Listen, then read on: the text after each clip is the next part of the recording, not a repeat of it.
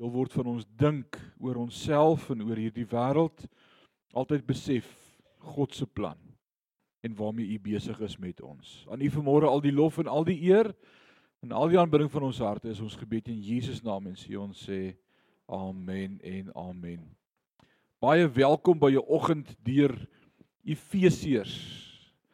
Die boek Efesiërs, baie praat van die boek Efesiërs as die Alpe van die Nuwe Testament die prentjie, die awesome, mooi, inspirerende, motiverende plan van God. En dis wat ons vanmôre gaan sien hopelik is ons gaan daardie plan van God ontdek nie net vir jou nie, maar vir die mens, vir die kerk op aarde.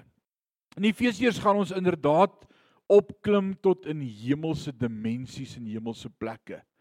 Efesiërs stel dit vir ons so mooi as hy sê ons sit saam met God. Efesiërs 1 begin hier te sê in hemelse plekke in die hemele.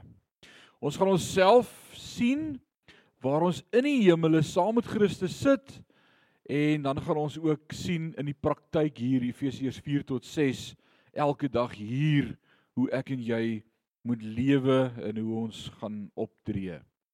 Wanneer ek en jy eers sien wie ons is in Christus en wie ons gaan word en wat Christus met ons besig is en wat hy vir ons gedoen het as gevolg van wat Christus gedoen het bevind ons onsself dan dat ons God wil aanbid en vereer en die vraag kom dan wat moet ek doen Here? Hoe kan ek respond? En daai respons is waaroor ons vanmôre ook gaan gesels.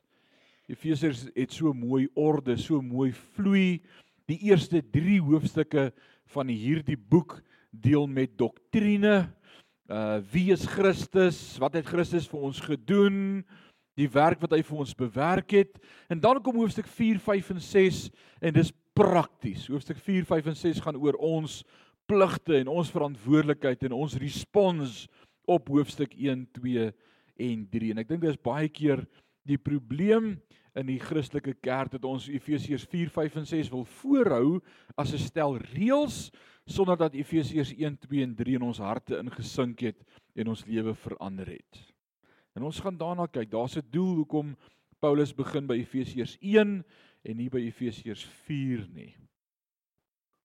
Ons moet eers verstaan wat hy vir ons gedoen het en wie ons is in hom. Jy kan net hoofstuk 1 tot 3 deurlees en haastig wees nie. En daarom het ons vanmôre tyd eenkant gesit en ek waardeer die tyd wat jy eenkant gesit het. Dit sê vir my jy het 'n liefde vir die woord van die Here. En ons is hier omdat ons ernstig is oor sy woord. Nou, daar's 'n goddelike ontwerp in hoofstuk 1 tot 6.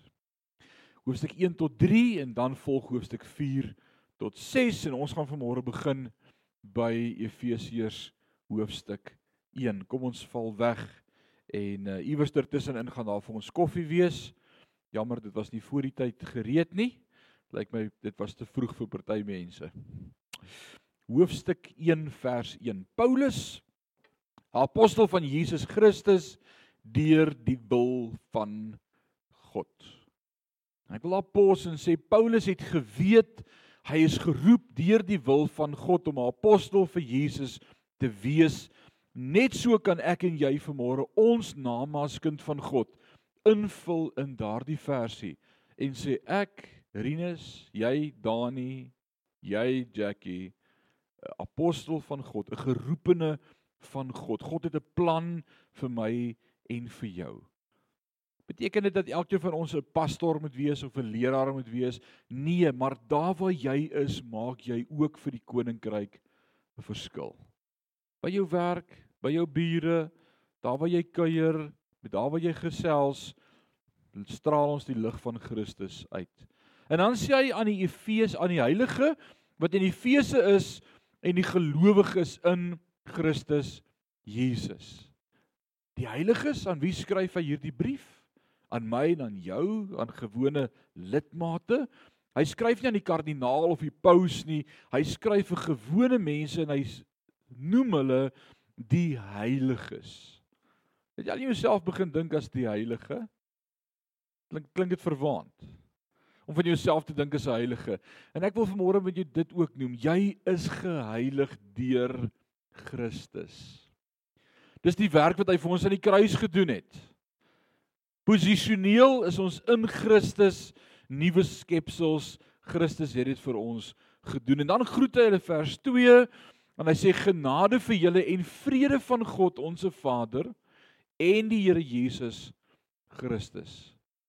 En dis amper elke keer hoe Paulus elke gemeente groet genade en vrede. Genade en vrede. En ek wil vanmôre sê hoekom hierdie spesifieke orde want jy sal nooit vrede kan hê of verstaan as jy nie God se genade verstaan nie. Genade moet eers klik en dan volg vrede. Jy sal nooit vrede hê totdat jy God se genade vir ons as mens verstaan nie. Wanneer dit eers insink dat jy nie geseënd is omdat jy 5 ure 'n dag bid nie. Dat jy nie geseënd is omdat jy 6 dae elke week vas nie. Dat jy nie geseënd is omdat jy A B en C nie, maar omdat Christus my geseën het met alle seëninge. Dan verstaan jy en dan word daar die vrede van God waarvan die woord praat in Filippense 4 vers 6 en 7 wat alle verstande te bowe gaan ook jou deel. Jy moet eers genade verstaan. Dan sê in vers 3 hy sê geseënd is die God en Vader van ons Here Jesus Christus en hier begin die langste sin in die Bybel. Marius het jy dit ook so? Ek het nou my prof hier vanmôre, ek moet ek moes my opskerp gisteraand. Uh ek sien dit as die langste sin in die Bybel, die begin van die eerste strofe van die soete verlossing, dit wat Christus vir my kom doen het en ek deel dit in En nou gaan jy sien dit word in in 3 dele ingedeel. Hierdie strofes of stanzas word in 3 dele ingedeel. In die eerste een, die eerste strofe vers 3 tot 6 vertaal die werk van die Vader in die verlede. Dit vertel vir ons wat Christus vir my en vir jou gedoen het. Sê saam met my het het daar sy.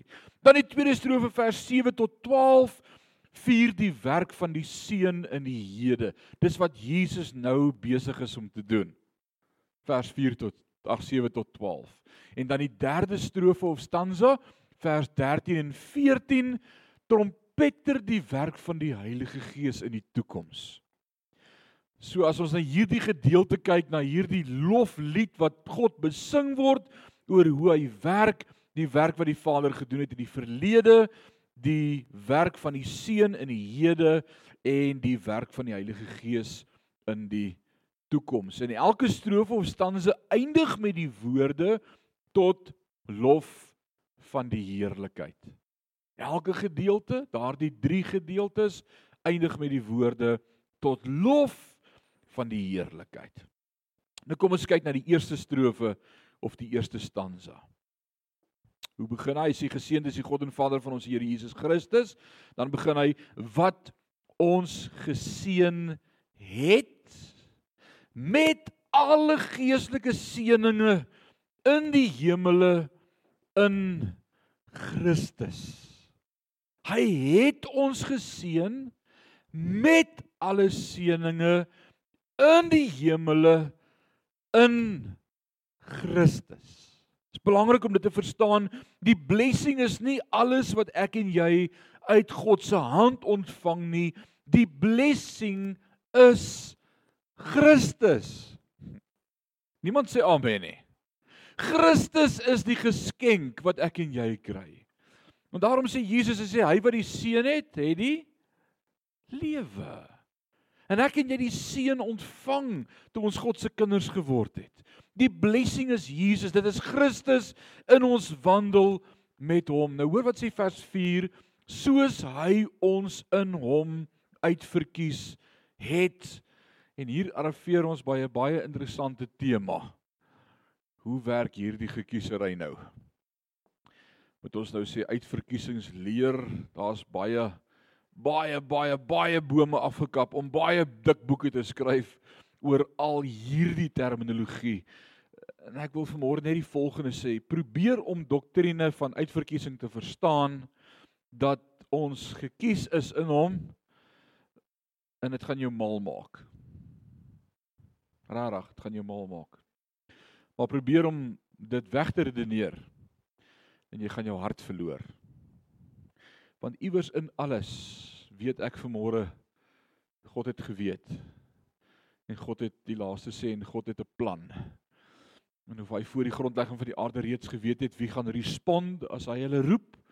En daarom is God 'n awesome God.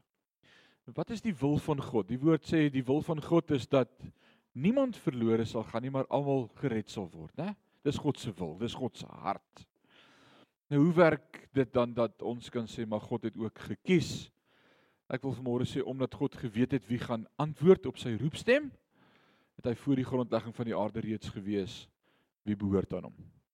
Ek gisteraand toe sê Jacques vir my oom, maar hoe werk hierdie ding? Toe sê ek kom sit dat ek vir jou probeer verduidelik en ek hoop ek was reg as ek dit vir hom so verduidelik. Ek sê jy's by Lifted en jy en Christian is leiers, julle moet vir elkeen 'n span kies en jy moet 10 lede in jou span kies, julle gaan iets teen mekaar doen.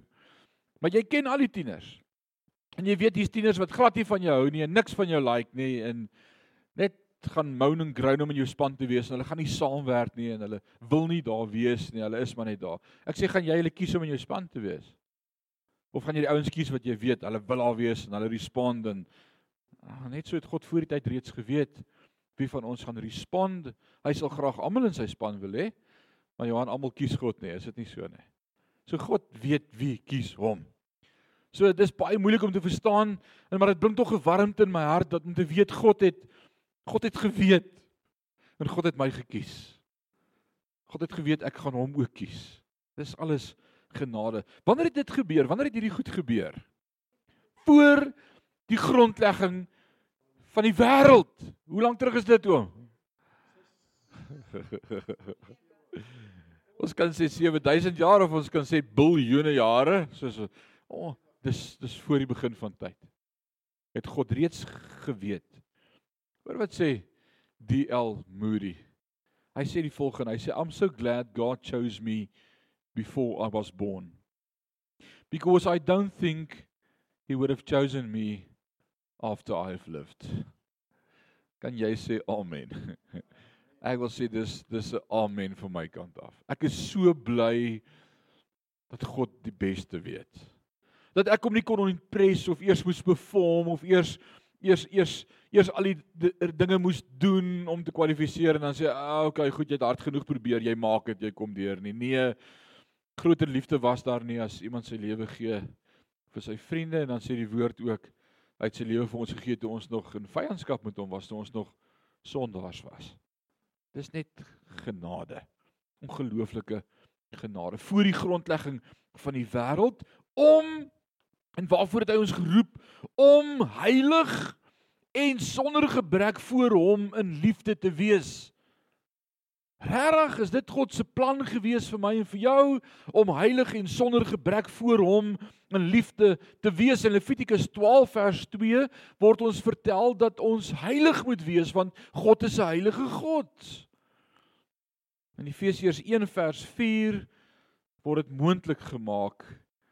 God het geweet dat om 'n heilige mensdom vir hom te verkry, hy onsself sal moet kies Want wat het Romeine 3 vers 11 ons geleer? Niemand soek God, nê? Paulus skryf vir die gemeente in Rome en hy sê niemand soek God nie. Daar's nie een wat God soek nie. Niemand wil God hê nie. Niemand wil God dien nie. Niemand wil verander nie, maar is God wat die werk in ons begin het. En dan sê Filippense 1 vers 6, daardie werk wat hy in ons begin het, sal hy ook volëindig. Dank God daarvoor. Dis hy wat die werk in ons begin het. So ek ek wil sê en, en hier's nogal vir my ek ek weet hierdie sien ek as 'n probleem of rede vir ons verwarring soms tussen heiligmaking en heiligheid tussen ons posisie in Christus en ons progressiewe groei in Christus. En baie keer verwar ons hierdie twee met mekaar en ek wil gou dit vanmôre vir jou help om te verstaan en ek dink dit gaan die lewe vir jou makliker maak. In die eerste plek moet ek en jy verstaan posisioneel. Wat beteken posisioneel? Wat is jou plek, jou posisie? Jy is in Christus. Sê saam met my in Christus. Wanneer het dit gebeur? Christus aangeneem het as my verlosser en saligmaker. Ons praat van daai gebeurtenis in my lewe as wedergeboorte. Alraight. God se gees het in my hart kom woon. Ek's gevul met sy teenwoordigheid, my ek behoort nou aan Christus. Ek sê nuwe skepsel. Paulus sê die ou ding het verbygegaan, alles het nuut geword. My posisie, posisioneel is ek heilig. Want God het my geheilig. Dis wat Romeine 4, 5 en 6 ons leer. Dis my posisie in Christus. Nou is daar progressiewe heiligheid. Wat beteken dit, Dani? Progressiewe heiligheid. Dis nou elke dag se handel en wandel met tyd. Dis nou hierdie groei van my. Ons sing the things I used to do, I do them no more, maar is dit alles die waarheid? Nee, ek het nog so 'n paar gewoontetjies wat ek nog moet afsterwe. Daai pad wat ek stap, noem ons heiligmaking. Posisioneel is ek klaar heilig in Christus. Dis my posisie, dis wie ek is in hom. As hy na my kyk, sien hy sy seun Jesus Christus en die volle prys wat betaal is aan die kruis en ek is sy kind. Kan jy sê amen? Jy's God se kind. Maar in jou wandel Paulus kom so mooi en dan vertel hy dit vir ons in Romeine 7. Hy sê dit lyk vir my met my gees dien ek een wet, maar met my vlees dien ek 'n ander wet, want die dinge wat ek nie wil doen nie, dit doen ek en dit wat ek wil doen, dit doen ek nie. Ek struggle daarmee. Wie sal my verlos van hierdie wet? Dan sê hy die dood. So hierdie hele proses, hierdie hele lewe van my is 'n lewe van heiligmaking om elke dag die verkeerde dinge af te sterf. Ek moet 'n keuse maak. Ek is nie by default nou volmaak nie. Wie weet dis die waarheid. Jy het nie net na jou hart vir die Here gegee, sonnevry, skoon, souber gewoontes, verloor nie jy meer nie, groot geduld, liefde vir almal. Nee. Jy struggle daarmee. Maar wat kom Johannes as hy Openbaring 2 en die skryf sewe briewe aan die sewe gemeentes en elke keer is daar ietsie wat krap in daai gemeente, iets wat pla, iets wat nie reg is nie, iets wat hulle verkeerd doen en dan wat sê hy vir hulle? Wat is die die Engelse woord die remedy? Wat is die antwoord vir vir daardie probleem? Hoe moet hulle daarmee deel? Wat sê hy vir hulle? Bekeer jou. Wat beteken die woord bekeer? Draai 180 grade om. Dink anders. Romeine 12, Paulus skryf aan die gemeente in Rome in Romeine 12 en hy sê in vers 1 hierdie is julle redelike godsdiens om julleself te gee, julle liggame te gee as lewende God welgevalle offers. En dan vers 2 sê hy, hoe doen jy dit? Hoe kry jy hierdie ding reg? Hy sê word vernuwe. Word vernuwe deur jou gemoed. Dis jou denke, jou intellek, die manier hoe jy oor goed voel word vernuwe. Sê saam met my vernuwe. Dis bekering. Draai om. Jy mag haat nie nee, ek mag nie haat nie. Vader, help my hart dat ek sal omdraai. Ek moet lief hê. Johan, ek moet lief hê. Dis bekering. En dis daai elke dag se proses progressiewe heiligmaking. Nou ek ken baie kinders van die Here wat 'n wonderlike oorgawe gehad het. Want ek weet hulle harte is by die Here. Ek weet daar was wedergeboorte, maar rondom progressiewe heiligmaking is daar zults in hulle lewe. Ken jy sulke ouens? En dis hartseer. Dis hartseer. Dis nie die pad wat ek stap wat bepaal of ek heilig is nie, maar dis die vrugte wat volg omdat my hart by God is. En ek dink dis waar ek dit confused baie keer. Want een week Man, dis 'n awesome week. Ek bid elke dag 2 ure. Ek vas. Ek beleef God. Ek hoor sy stem. My vrou skree net op my. Dit gaan net wonderlik. Dis awesome. Ek's in die hemel. Ek's 'n kind van God. Volgende week breek al die hel los. Ek kry nie tyd om te bid nie. Ek vergeet van Bybel lees. Ek wil nie met die Here praat nie. Ek so deur mekaar en dan voel dit vir my nou voel ek nie meer soos 'n kind van God nie. Dis progressiewe heiligmaking. Maar dank God, daai werke red ons nê. Dis net die gevolg van die werk wat hy reeds in ons begin het. Hy het klaar die werk begin. En dan die derde stappie wil ek sê volkome heiligheid. En wanneer vind daardie volkome heiligheid plaas? Oh, wanneer ek eendag by hom is, wanneer ek 'n verheerlikte liggaam kry, dan gaan ek volkome in alle opsigte heilig wees en sonder sonde. Paulus sê wat ons sal weet, weet ons nog nie, maar ons weet een ding dat in een oomblik ons bekleed gaan word met onsterflikheid, met God se heiligheid. Ja, wie kan sê amen daarvoor? Ek kan nie wag daarvoor nie. Vers 5 deurdat hy ons voorbeskik het. Och, dis 'n dis 'n groot woord, voorbeskik. Voordat die wêreld in bestaan geroep is, het God reeds geweet jy sal op sy liefde reageer. God het geweet ek sal sien Rinus gaan reageer op my stem, so ek gaan myself van hom bekend maak. Hy het voorbeskik. Dank God vir sy voorbeskikking. Waarvoor hy ons voorbeskik? Om ons as sy kinders vir homself aan te neem deur Jesus Christus. Ek wil vanmôre dit weer sê Jesus Christus was nie net 'n plan wat hy langs die pad uitgedink het om te sê o genade nou het hulle van die appel geëet hoe gaan ons hulle red En toe sê Jesus nou maar ek sal kom ons maak nou maar 'n plan nie. Nee, voordat hy die skepping reeds geformeer het, het hy geweet dis die plan. Is dit nie amazing nie?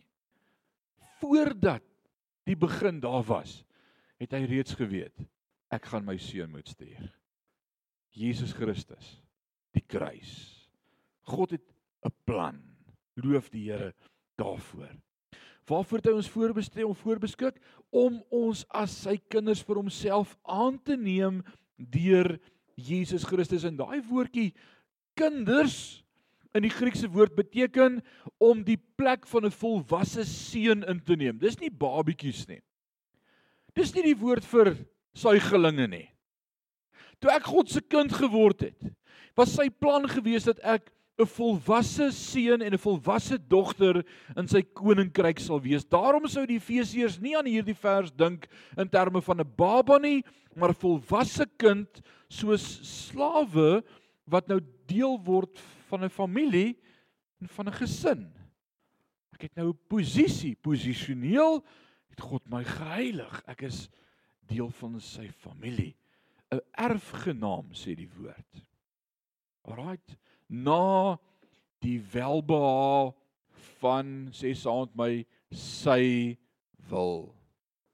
Nie op grond van my werke nie, nie op grond van die potensiaal wat hy in my raak gesien het nie, op grond van sy wil. En hier is waarom God jou aangeneem het, want ons struggle daarmee. Hoekom het die Here my sy kind gemaak? Wat wat het ek gedoen om dit te verdien? Hoekom het hy jou gekies? Hoekom het hy jou bestem en jou geseën? Hoekom? Omdat dit vir sy genot was en vir sy heerlikheid en vir sy eer van sy genade. En dis die hele punt met genade. It's all about him. Anders sou dit nooit genade gewees het nie, maar werke. En dis alles genade. Dis hoekom ons sê grace is undeserved, unmerited, unearned favor alles genade tot die lof van die heerlikheid van sy genade waarmee hy ons begenadig het in die geliefde. Wie is die geliefde? Jesus Christus. En ek en jy moet verstaan dit gaan nie meer oor wie ons is nie of wat ons doen nie, maar wie hy is en wat hy reeds vir ons gedoen het en ons is nou in hom. Amen. Dis jou posisie. Nou gaan ons by die tweede stanza.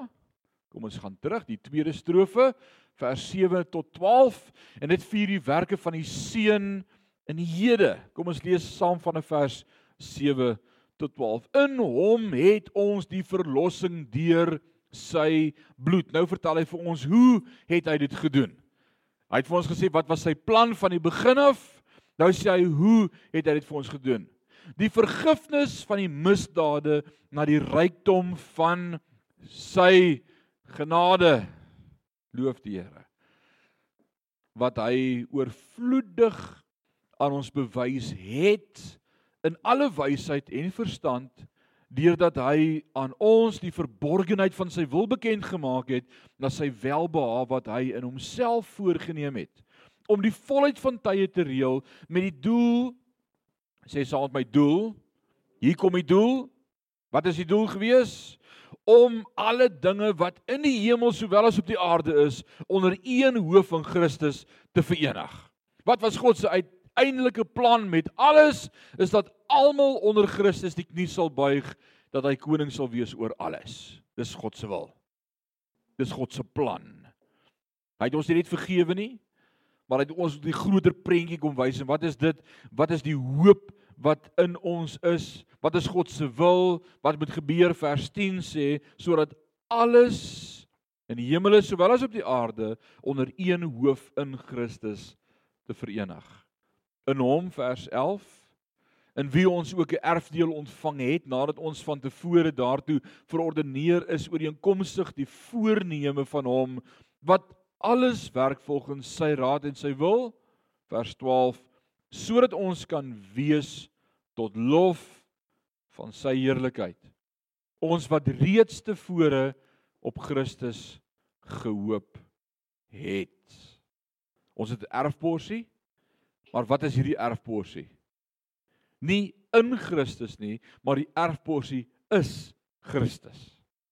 En wanneer ons hom sien, wanneer ons eendag by hom kom, gaan niks anders saak maak behalwe hy net. Niks anders gaan vir jou belangrik wees behalwe Christus nie. En nou gaan ons na die derde stanza of die derde strofe vers 13 en 14 en dit trompeter die werk van die Heilige Gees in die toekoms. Hoor wat sê vers 13 en 14 in wie julle ook. Nadat julle die woord van die waarheid, die evangelie van julle redding gehoor het, in wie julle nadat julle ook geglo het, verseël is met die Heilige Gees van die belofte wat die onderpand is van ons erfdeel om sy eiendom te verlos tot lof van sy heerlikheid. O oh man, dis so groot. Wanneer ek en jy tot geloof gekom het, is ons verseël met die Heilige Gees. Verseël spreek van waarvan spreek daardie woordjie vir jou? Ek wil sê eienaarskap. Aan wie behoort jy nou? Jy's God se eiendom. Verseël. Right? Spreek ook van 'n onderpand of 'n kwitansie. Jy's betaal, daar's vir jou betaal. Dis die stiker wat opgeplak word om te sê it's done. Is gedoen. Loof die Here daarvoor. Nou bid Paulus vir die Efesiërs en wat bid hy vir hulle?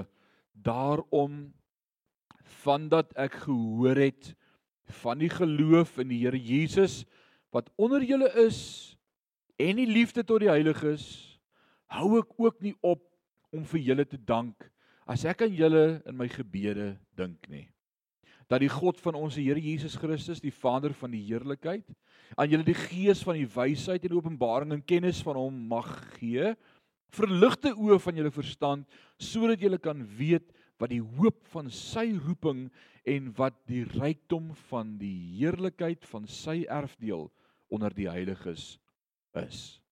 Wanneer iemand uiteindelik God sien, dan hoef ek en jy nie meer vir iemand met iemand te praat oor hulle sonde in hulle lewe nie.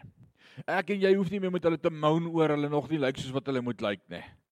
Wanneer hulle Christus ontdek en hom sien, skielik oortuig die Heilige Gees hulle En daarom moet ek en jy bid dat mense se harte geopen word en hulle God sal sien. Ons het vir te lank vir die buurman gebid dat hy sal ophou rook. Of vir die ander buurman dat hy sal ophou om sy vrou te slaan. Ek en jy moet begin bid dat hulle God sal sien. Is dit nie wat Paulus ons hier kom leer nie? Hy sê dis nie die probleem is nie die A B en C nie, maar wanneer jy God sien, verander jou lewe. En dis die probleem. Mense moet God sien. Nou, na God se plan kom God se krag. God het 'n plan, hy het met ons sy plan gedeel en nou kom God se krag vers 19 tot 21 en wat die uitnemende grootheid van sy krag is vir ons wat glo na die werking van die krag van sy sterkte wat hy gewerk het in Christus toe hy hom uit die dode opgewek het en hom laat sit het aan sy regterhand in die hemele.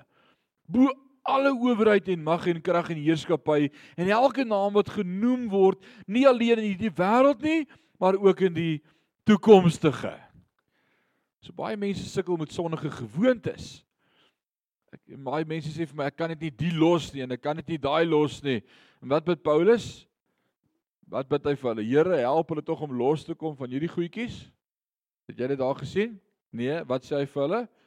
Hy sê Christus is in ons. En jy moet besef, hierdie groot oneindige krag is binne in jou. En kan jy in een oomblik net maak. Christus is binne in jou. En wat is die sleutel? Wat is deel van hierdie heiligmaking van hierdie progressiewe heiligmaking in ons lewe om te ontdek dat hier 'n groot krag binne in my woon. Kan jy sê amen? Wat my in een oomblik kan verlos, in een oomblik kan losmaak, in een oomblik kan nuut maak, in een oomblik kan verander. En wie kan getuig dat God in jou lewe al so werk gedoen het? Loof die Here. Die verreëse Christus, die opgevaarde Christus, regerende Christus. Hy het oorwin en regeer en Paulus bid, maak hulle oë op dat hulle kan sien dat Christus dit reeds gedoen het, dat hy God is in hulle lewe, koning. En dan kom Paulus met die einde, die grand finale, die slotsom, die konklusie in vers 22 en 23 en hy sê wat sy lig nee, hy sê vers 23 22 en hy het alle dinge onder sy voete onderwerp en hom as hoof bo alle dinge aan die gemeente gegee wat sy liggaam is die volheid van hom wat alles in almal vervul. En wat 'n wonderlike belofte is dit hè. Hy is die volheid van alles wat hom in ons vervul. Dit was Efesiërs 1 kom ons kyk wat sê hoofstuk 2 sekerlik een van die grootste hoofstukke in die Bybel, hoofstuk 2. En die tema van hoofstuk 2 as ek vir hierdie een hoofstuk 'n tema moet gee van hoofstuk 2 sal dit wees God se werk. Dis alles God se werk. En daarom het ek hom vir jou ingedeel. En ons gaan in die volgende sien, ons gaan in vers 1 en 3 sien ons posisie. Wat was ons posisie gewees toe ons in hierdie verhouding betrokke geraak het met Christus? Vers 1 tot 3 gaan vir jou sê ons was dood. En dan gaan ons in vers 4 tot 7 sien God se werk vir ons wat hy vir ons gedoen het. In vers 8 en 9 gaan ons sien God se werk in ons. In vers 10 gaan ons sien God se werk deur ons en vers 11 tot 22 gaan ons sê God se werk onder ons. Maar as ek na hierdie hoofstuk kyk, kan ek een ding sê, dis God werk. Amen. God werk. So kom ons deel dit so in en dan begin ons by vers 1 tot 3. En voordat Paulus die gemeente wys hoe God vir ons werk en in ons werk wys hy eers daarop waar ons was. Hy doen presies dieselfde met die gemeente in Rome as hy vir hulle daardie pragtige boek skryf Romeine en in die eerste en die tweede en die helfte van die derde hoofstuk wys hy eers vir almal dat hulle verlore is sonder God voordat hy met hulle praat oor die blessings en wat Christus gedoen het en ons posisie en die beloftes en God se voorkennis en hoe ons mekaar moet lief hê en die plan van God vir die einde voor hy by al daai grading kom begin Paulus eers en hy sê jy was dood sonder God. En nou doen hy in die gemeente in Efese presies dieselfde. Wat sê hy vir hulle vers 1 tot 3? En julle in die 33 53 vertaling sê en julle het hy lewend gemaak. But they jumping the gun. Dis nou om voor die tyd vir jou te sê wat nog gaan gebeur. Die oorspronklike teks sê en julle was dood. Punt. Daar's nog nie daar's nog nie uh, ietsie van lewe nie. Dit gaan kom. Dis nog die geheim. Ek kan dit nie nou vir jou sê nie, maar jou posisie moet jy eers verstaan. Jy was dood en julle was dood deur die misdade en die sondes waarin jy tevore gewandel het volgens die loop van hierdie wêreld volgens die owerste van die mag van die lig van die gees wat nou in die kinders van die ongehoorsaamheid werk onder wie ons almal ook vroeër gewandel het in die begeerlikheid van ons vlees toe ons die wil van die vlees en van die sinne gedoen het en ons was van nature kinders van die toorn net soos ook die ander. Wat was my en jou posisie gewees? Ons vertrekpunt. Jy was dood. Jy was dood. Eerste gevolg dood in die vlees. Jakobus 2 vers 26 sê vir ons want sonder die liggaam is sonder die gees dood. Jy was dood. Daar was ook die geestelike dood. Efesiërs 2 praat met ons daarvan. Romeine 3 vers 23 praat met ons daarvan en dan ook derdens 'n ewige dood, vir altyd geskei van God. 2 Tessalonisense 1 vers 19 of vers 9 en 10 Hulle sal as straf ondergaan 'n ewige verderf weg van die aangesig van die Here en van die heerlikheid van sy sterkte wanneer hy kom om verheerlik te word in sy heiliges en bewonder te word bo almal wat glo in daardie dag want ons getuienis het by julle geloof gevind. Dis 'n ewige verlorenheid sonder God. Jy gaan fisies dood, jy's geestelik dood, jy's ewig dood. En as Paulus kom en hierdie sê vir die gemeente, dan sê hy jy moet verstaan, jy was dood. Ek en jy, elkeen van ons, elke mens op aarde, en dis dieselfde wat hy vir die gemeente in Rome sê in Romeine 1, 2 en 3. Nou as ek en jy dood was. En ek wil sê as ek hier by die lijkhuis sal instap hier by Afpop, wil die stetel vra en daar instap en tussen daai klomp lyke gaan staan en vir daardie lyke sê As een van julle glo, steek op jou hand. Dink julle daar gaan iets gebeur? Ek hoop nie daar gaan iets gebeur nie. Maar dan gaan jy sien hoe hardloop ek. 'n Lijk is 'n dooie ding, ouens. Hy's mors dood. Daar's nie bietjie lewe in hom oor nie. Hy's dood. Hoor wat sê Martin Luther. Ek het dit vir jou daar geskryf. When I look at myself, I don't see how I can be saved. But when I look at Jesus, I don't see how I can be lost. Ek is so bly my redding het van sy kant af gekom. Want ek verstaan vanmôre ek was dood. Ek was dood. Het jy hom daar nie? Hy het geleef in 1483 tot 1546. Dis 'n paar jaar terug voor ons tyd. Right. Ek so bly dis 'n werk wat God gedoen het. Want hoor wat gaan Efesiërs 2 vers 4 tot 7 met ons nou oor praat. God se werk vir ons. Dit was alles hy. Right. Sê saam met my maar God. So hy sê eers vir hulle was dood, hulle was verlore, hulle was daar daar was 'n ewigheid tussen ons en God. Daar was nie 'n manier nie. Dis eintlik wat hy sê. Daar's nie 'n manier nie. Maar God wat ryk is in barmhartigheid. Het ons deur sy groote liefde waarmee ons lief gehad het, ook toe ons dood was deur die misdade, lewend gemaak saam met Christus. Uit genade is jy gered en saam opgewek en saam laat sit in die hemele in Christus Jesus sodat hy in die eeue wat kom kan betoon die uitnemende rykdom van sy genade in goedertierenheid oor ons in Christus Jesus. En ek kan vanmôre net sê haleluja. Hæ? Oh man, maar God het ons liefgehad toe ons nog verlore was. God het ons kom red. God het 'n plan gehad vir ons. Ek dank God vanmôre vir sy genade en vir sy liefde. Hy het ons lewendig gemaak. En dit terwyl ek en jy nog dood was. Vers 4 en 5 sê nie net toe ons deur ons lief gehad het nie, vers 6 sê, maar hy het ons opgelig na hemelse plekke. En dan wil ek sê, hoekom het hy dit gedoen? Hoekom doen hy dit met my? Maar vers 7 sê vir my sodat hy en hoe wat kom kan betoon die uitnemende rykdom van sy genade in goedertierenheid oor ons. Dis alles sy genade. Ek stel myself hierdie prentjie voor van 'n kind van God wat by die hemel aankom. Dit word stil in die hemel. Die engele staan met verbasing en hou die voordeur dop.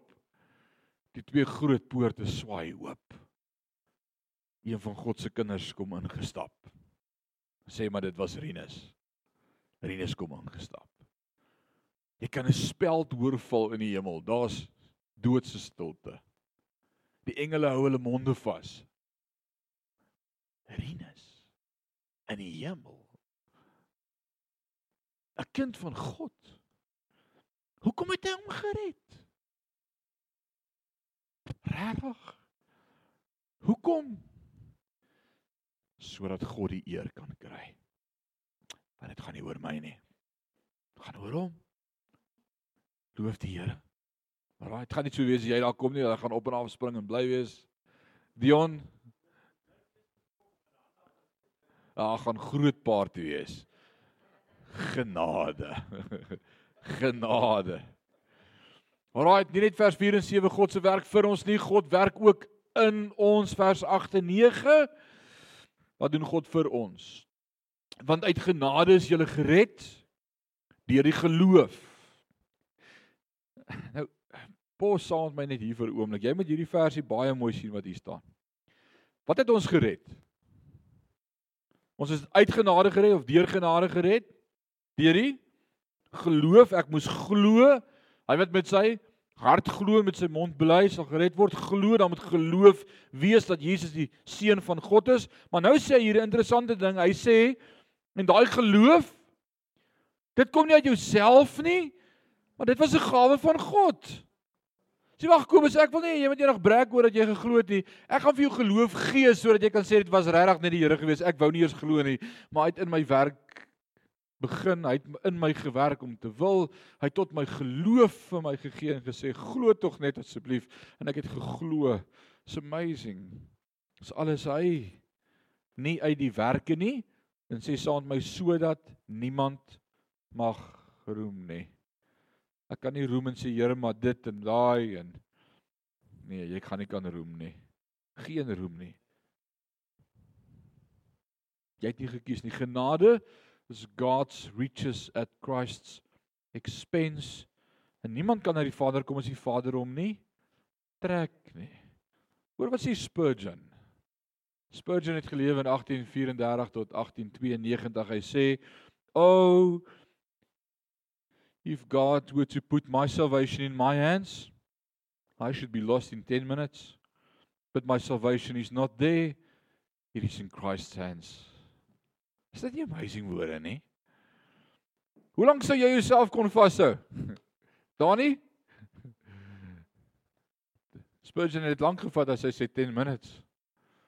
Ek wonder of ek 'n minuut myself sou kon red. Voordat daar verkeerde gedagte in jou kop kom of voordat jy iets verkeerd doen of sê, hè? Nee, is alles hy gewees. Kan jy sê amen? Alles God se werk. En dan kom God se werk deur ons vers 10. Vers 10 sê want ons is sy maaksel geskape in Christus Jesus tot goeie werke van God voorberei het sodat ons daarin kan wandel. Moet nooit vergeet jy is deur God gemaak nie. God is die outeur van jou lewe en hy het jou lief jy behoort aan hom. Dis wie jy is. Jy's God se maaksel. God werk deur ons.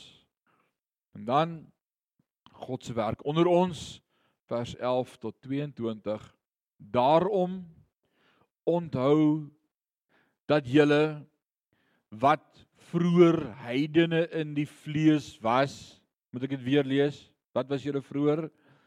Heidene in die vlees, heidene is daai nasie sonder God, sonder geloof, dood vers 1 tot 3 en onbesnedenis genoem word deur die sogenaamde besnydenis wat in die vlees met hande verrig word dat julle in die tye sonder Christus was vervreemd van die burgerskap van Israel en vreemdelinge ten aansien van die verborde van die verbonde van die belofte sonder hoop en sonder God in die wêreld. So hou in gedagte dis wie ons was. Ons was sonder Christus, sonder hoop sonder geloof. Julle het geen toekoms gehad nie. Maar vers 13. Maar nou in Christus Jesus het julle wat vroeër ver was naby gekom deur die bloed van Christus. Want hy is ons vrede. Hy wat albei, nou as hy praat van albei, van wie praat hy daar? Want hy praat hy van twee. Hy wat albei. Albei wat? Die Jood en die heidene en hier gaan hy nou 'n pragtige ding sien gebeur hier in Efesiërs 2. Hy wat albei een gemaak en die middelmuur van skeiding afgebreek het. Deurdat hy in sy vlees die vyandskap tot niet gemaak het, naamlik die wet van die gebooie wat in insettinge bestaan, sodat hy deur vrede te maak die twee in homself tot een nuwe mens, sê nuwe mens kon skep en albei in een liggaam, sê een liggaam met God kon versoen deur die kruis nadat hy daarin die vyandskap doodgemaak het. En waarvan praat Paulus nou? Hy sê van tevore was dit Judaïsme en julle was verlore, julle was heidene, maar dank God vir die kruis, daar het iets gebeur met die kruis. En nou maak hy 'n nuwe dispensasie aan ons bekend en ons praat van die kerk. Hier's iets nuuts wat nou gebore word. Die kerk was in die Ou Testament 'n verborgenheid geweest daar, nê?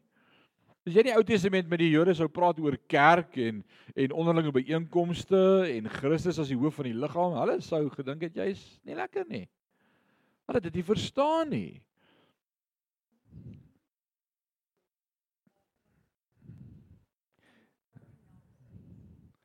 Dis nou die belofte wat God aanvanklik met Abraham gemaak het om te sê in jou wil ek die nasies van die wêreld seën. En nou is dit tyd. Nou sê God ek wil almal bless.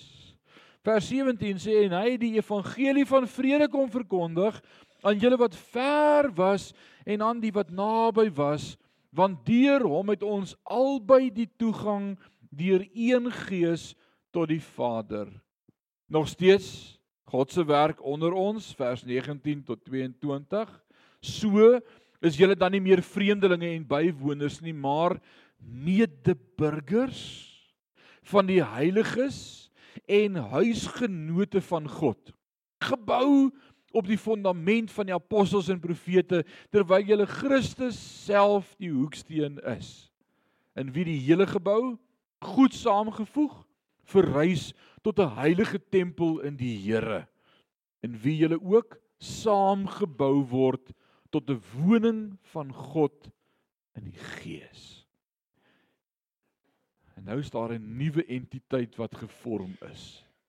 'n Nuwe ding. Ons praat nou nie meer van Jood of van heiden nie. En ek wil sê in in God se koninkryk is daar drie groepe mense. Daar's heidene, wie's heidene? Ouens wat verlore is sonder God, geen geloof in hulle harte nie. En ons daai Jode, wie's die Jode? Dis God se volk. Hy gaan nog met hulle werk en deel. Alraight. Maar as jy deel word van die kruis, as jy na die kruis toe kom, God se kind word, maak nie saak of jy 'n Jood was en of jy 'n heiden was nie, dan word jy deel van die kerk of die bruid of die liggaam van Christus, alles begrippe in die Nuwe Testament vir hierdie entiteit, vir hierdie ding wat gebeur en ons is nou een in Christus.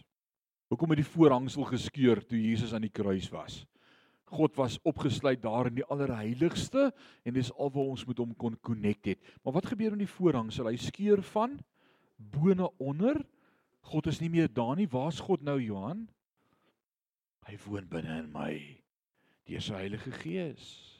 God begeer 'n verhouding met elkeen van ons en dis kerk. En nou sê die woord waar twee of drie bymekaar kom, daar ek is daar. Dis kerk. Jy hou kerk. Weet jy nie jy's 'n tempel van die Heilige Gees nie. Ons hou kerk. Fellowship. En so daai hele paradigma verskywing vind plaas van 'n gebou af na jou toe. God soek verhouding met jou. En nou word kerk gebore. En dis wat Paulus hier kom beskryf vir die gemeente in Efese. Hy sê julle moet verstaan hier's 'n nuwe entiteit. Ons is nie in kompetisie met Judaïsme nie. Ons is nie in kompetisie met die heidene nie. Nee, ons is kerk. Dis 'n nuwe ding wat gebeur het kerk het nou gebeur. En dan kom Efesiërs 3. En nou sê Paulus, ek is 'n gevangene van. Hy sê om hierdie rede is ek Paulus die gevangene van Christus Jesus vir julle wat heidene is. Hoekom is hy gevangene? Is dit omdat hy in boeye sit, omdat hy in Rome is, omdat hy verhoor afwagtend is? Is dit 'n fisiese gevangene? Ek wil sê nee, dis vir dit wat hy vir Christus doen. Hy's uitverkoop aan God. Hy staan onder God se diens. Ek en jy moet anders begin dink oor onsself. Ons is 'n gevangene van Christus. He captured me. Dis 'n mooi woord. Hy maak my nuut. Ek behoort aan hom. Wat is daai woordjie doulos? Ken julle die woordjie doulos? Wie kan raai? Wat beteken dit? 'n Slaaf uitverkoop behoort aan hom. Ek is ek het nie meer 'n opinie of 'n mening of 'n hè, dis nou wat hy wil hê. Nie meer wat ek wil hê nie. Dis daar in jou lewe? Ek hoop so. Ons het nog te veel van die eie ek wat moet sterf ouens. Kom ons bely dit vanmôre vir mekaar. Oh, I want it my way. Ek wil dit hê en ek wil dit hê en ek wil dit hê en ek wil Ja, as ek regtig uitverkoop aan hom, dan sê ek maak nie saak nie. Dit gaan net oor u. It's all ons sing dit. It's all about you, Jesus. It's not about me. Totdat jy uitstap. As jy luister, ek het gepraat. Ek soek dit goed so. Is dit nie so nie? Ons moet uitverkoop wees aan hom. Al wat moet saak maak in my lewe is wat hy sê en wat hy wil hê. Wat hy wil hê ek vir hom moet doen. Paulus verstaan dit en hy sê om hierdie rede Paulus ek 'n gevangene van Christus Jesus vir julle. Dis vir julle onthaal wil ek in die tronk sit dat ek vir julle kan skryf sodat ek 'n slaaf is van God. Vers 2 sê as jy dit ten minste gehoor het van die bediening van die genade van God wat aan my verleen is vir julle dat hy aan my deur 'n openbaring bekend gemaak het die verborgenheid soos ek tevore kortliks beskryf het. Waardeur julle as jy dit lees my insig in die verborgenheid van Christus kan verstaan.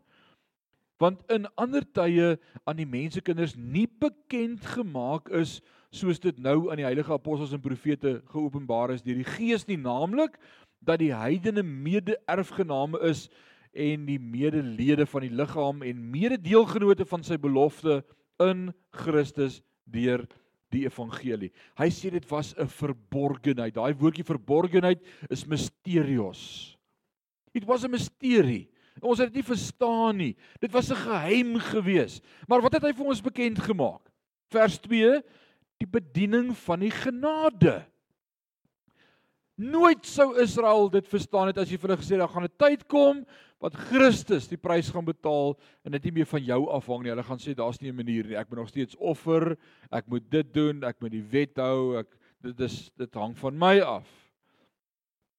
Hy sê die die die, die bediening van die genade. Die Engels sê dit so mooi.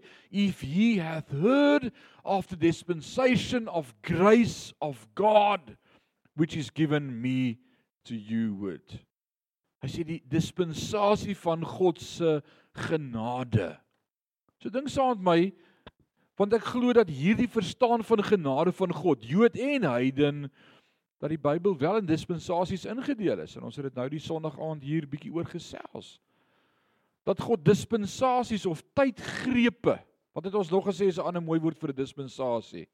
Eras, fases, fasette in tyd gebruik het om verskillende maniere met die mens te werk.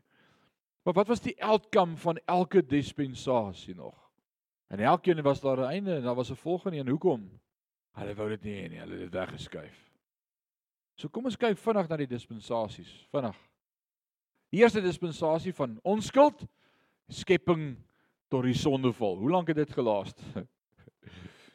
Vandat God die skepping gestel het tot dat die sondeval plaasgevind het. Dit was 'n dag en 'n half. Dit was nie lank nie, né? Dit was 'n tyd. God wou hê ek moet met die mens wandel van die begin af in onskuld. Nee, daar gebeur sonde. OK, volgende dispensasie. Kom ons kom ons werk met jou gewete, in jou hart. In jou hart sal jy weet wat jy reg te doen. Hoe lank het dit gehou? Vir 650 jaar. Wat was die einde daarvan gewees? God wil die hele aarde uitwis. Noag, né? Het dit gehelp om hulle oor te gee aan hulle harte? Nee, dit kom einde aan daai dispensasie en God red vir Noag en sy huis en hy sê kom ek begin voor. Dit werk nie. Nou gaan ons regerings aanstel. Kom ons gee vir hulle een wêreldregering. Babylon. Wat doen hulle? Kon dit kon dit werk? Nee, hulle wil 'n toring bou en so hulle self verhef om aan God gelyk te wees. Hoe blaatant is hulle? Vermetel. God sê nee, dit gaan nie werk nie. Kom ek bring 'n bietjie verwarring. Kom ek gee 'n belofte. Kom ons kyk of as daar 'n belofte in hulle harte is of dit nie hulle gaan motiveer om by my te bly nie en God gee die belofte aan Abraham tot die groot uittog in 430 jaar en waar eindig hulle aan die 400 van 4 waar waar stop hierdie dispensasie? Kyk waar eindig hulle? In slawerny. In gevangenskap in Egipte. Sê God, okay, hierdie gaan nie werk nie. Kom ek gee vir hulle die wet. Kom ek gee vir hulle stel reëls. Jy sê as ek net geweet het wat moet ek doen, dan sou dit makliker gewees het. Kom ek sê vir jou wat moet jy doen? Dis wat jy moet doen. Hoe lank het dit hulle gehou? Kyk nou net. 1500 jaar van wet. Eksodus tot by die kruis. En dan kom hierdie nuwe dispensasie wat 'n geheim was wat die wat wat die Israeliete nie verstaan het nie. Die dispensasie van genade. Dis nie onskuld of gewete of regering of reëls of wette nie, dis God se genade, dis dit wat hy vir ons gedoen het. En dank God, hierdie dispensasie is nou al hoe lank? 2000 jaar. Alraight. Genade. God het die prys betaal. Kom. Dis hoekom dit nou 'n goeie tyd is. Daar's vrede tussen God en mens. God God roep die mense. Hy sê kom na my toe almal wat moeg en oorlaai is, ek gee rus. Al was jou sonde soos skarlak en ek sal dit wit maak soos wol. Kom, kom na my toe as jy my stem hoor kom.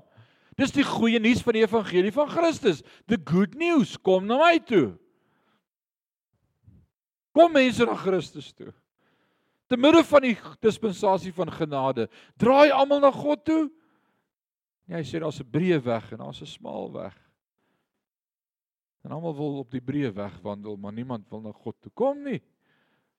En dis vir hierdie dispensasie en hierdie era wat Paulus hierdie brief skryf. En hy sê julle was dood, maar God het julle lewend gemaak. Romeine ag in Romeine 2:13 sê hy niemand niemand wil God dien nie. Niemand niemand soek God nie. Almal wil net verby op die breë pad. Al do it my way, Frank Sinatra. Hæ? En dan kom dit daar gaan 'n einde kom aan hierdie dispensasie van genade. Wat gaan dan gebeur? Ons praat van die dispensasie van die 7 jaar van verdrukking. Romeine praat met ons bietjie daaroor. En wat is God se plan in die 7 jaar verdrukking, die 70ste week van Daniël? Wat gaan gebeur? Onthou Sadrag, Mesach en Abednego, wat gebeur met hulle drie joetjies? Hulle word in die vuur oond gegooi. En wat gebeur in die groot verdrukking te midde van wêrelddruk en wêreldekonomie en alles wat gebeur? God deel nog steeds met die mens. God wil hê mense moet by hom uitkom. Dis nog nie die oordeel of die hel nie. God wil hê mense moet na hom roep. Maar gaan lees Openbaring 6 tot 19 bietjie deur. Roep mense na God. Nee, hulle praat met die berge en hulle sê berge val op ons, heuwels bedek ons en en, en, en hulle wil nie na God roep nie. Dis sad. En dan na die 7 jaar dispensasie lees ons ook van 'n 1000 jaar dispensasie wat gaan plaasvind, 1000 jaar vrede, nog 'n dispensasie waar ons vir 1000 jaar in vrede gaan saamleef. En dan gaan dit my verstand te bowe dat ek wragties lees in Openbaring aan die einde van die 1000 jaar was daar nog steeds mense wat die duiwel gekies het. en dan dink ek dis so die mens. Dis so ek en jy. Dis so sheep like om elke keer 'n stryd te gaan, om om net elke keer weg te wil gaan. Dit is sommer net iets van dispensasies om te verstaan. Dit was Efesiërs 1 tot 3. Alraai. Is daar enige vrae uit Efesiërs 1 tot 3? Prof Marius gaan dit antwoord. Uh julle is welkom om te vra. Tarianetjie. Ons stop nou. Insink en ons gaan koffie drink nou. Gaan jy vir ons die koffie kry asseblief? Dankie Jacques, help graag met aan die Rietjie. Hierdie eerste 3 hoofstukke is is 'n een eenheid, dis een ding. Dis hoekom ons nou hier bietjie pause en hier oordink.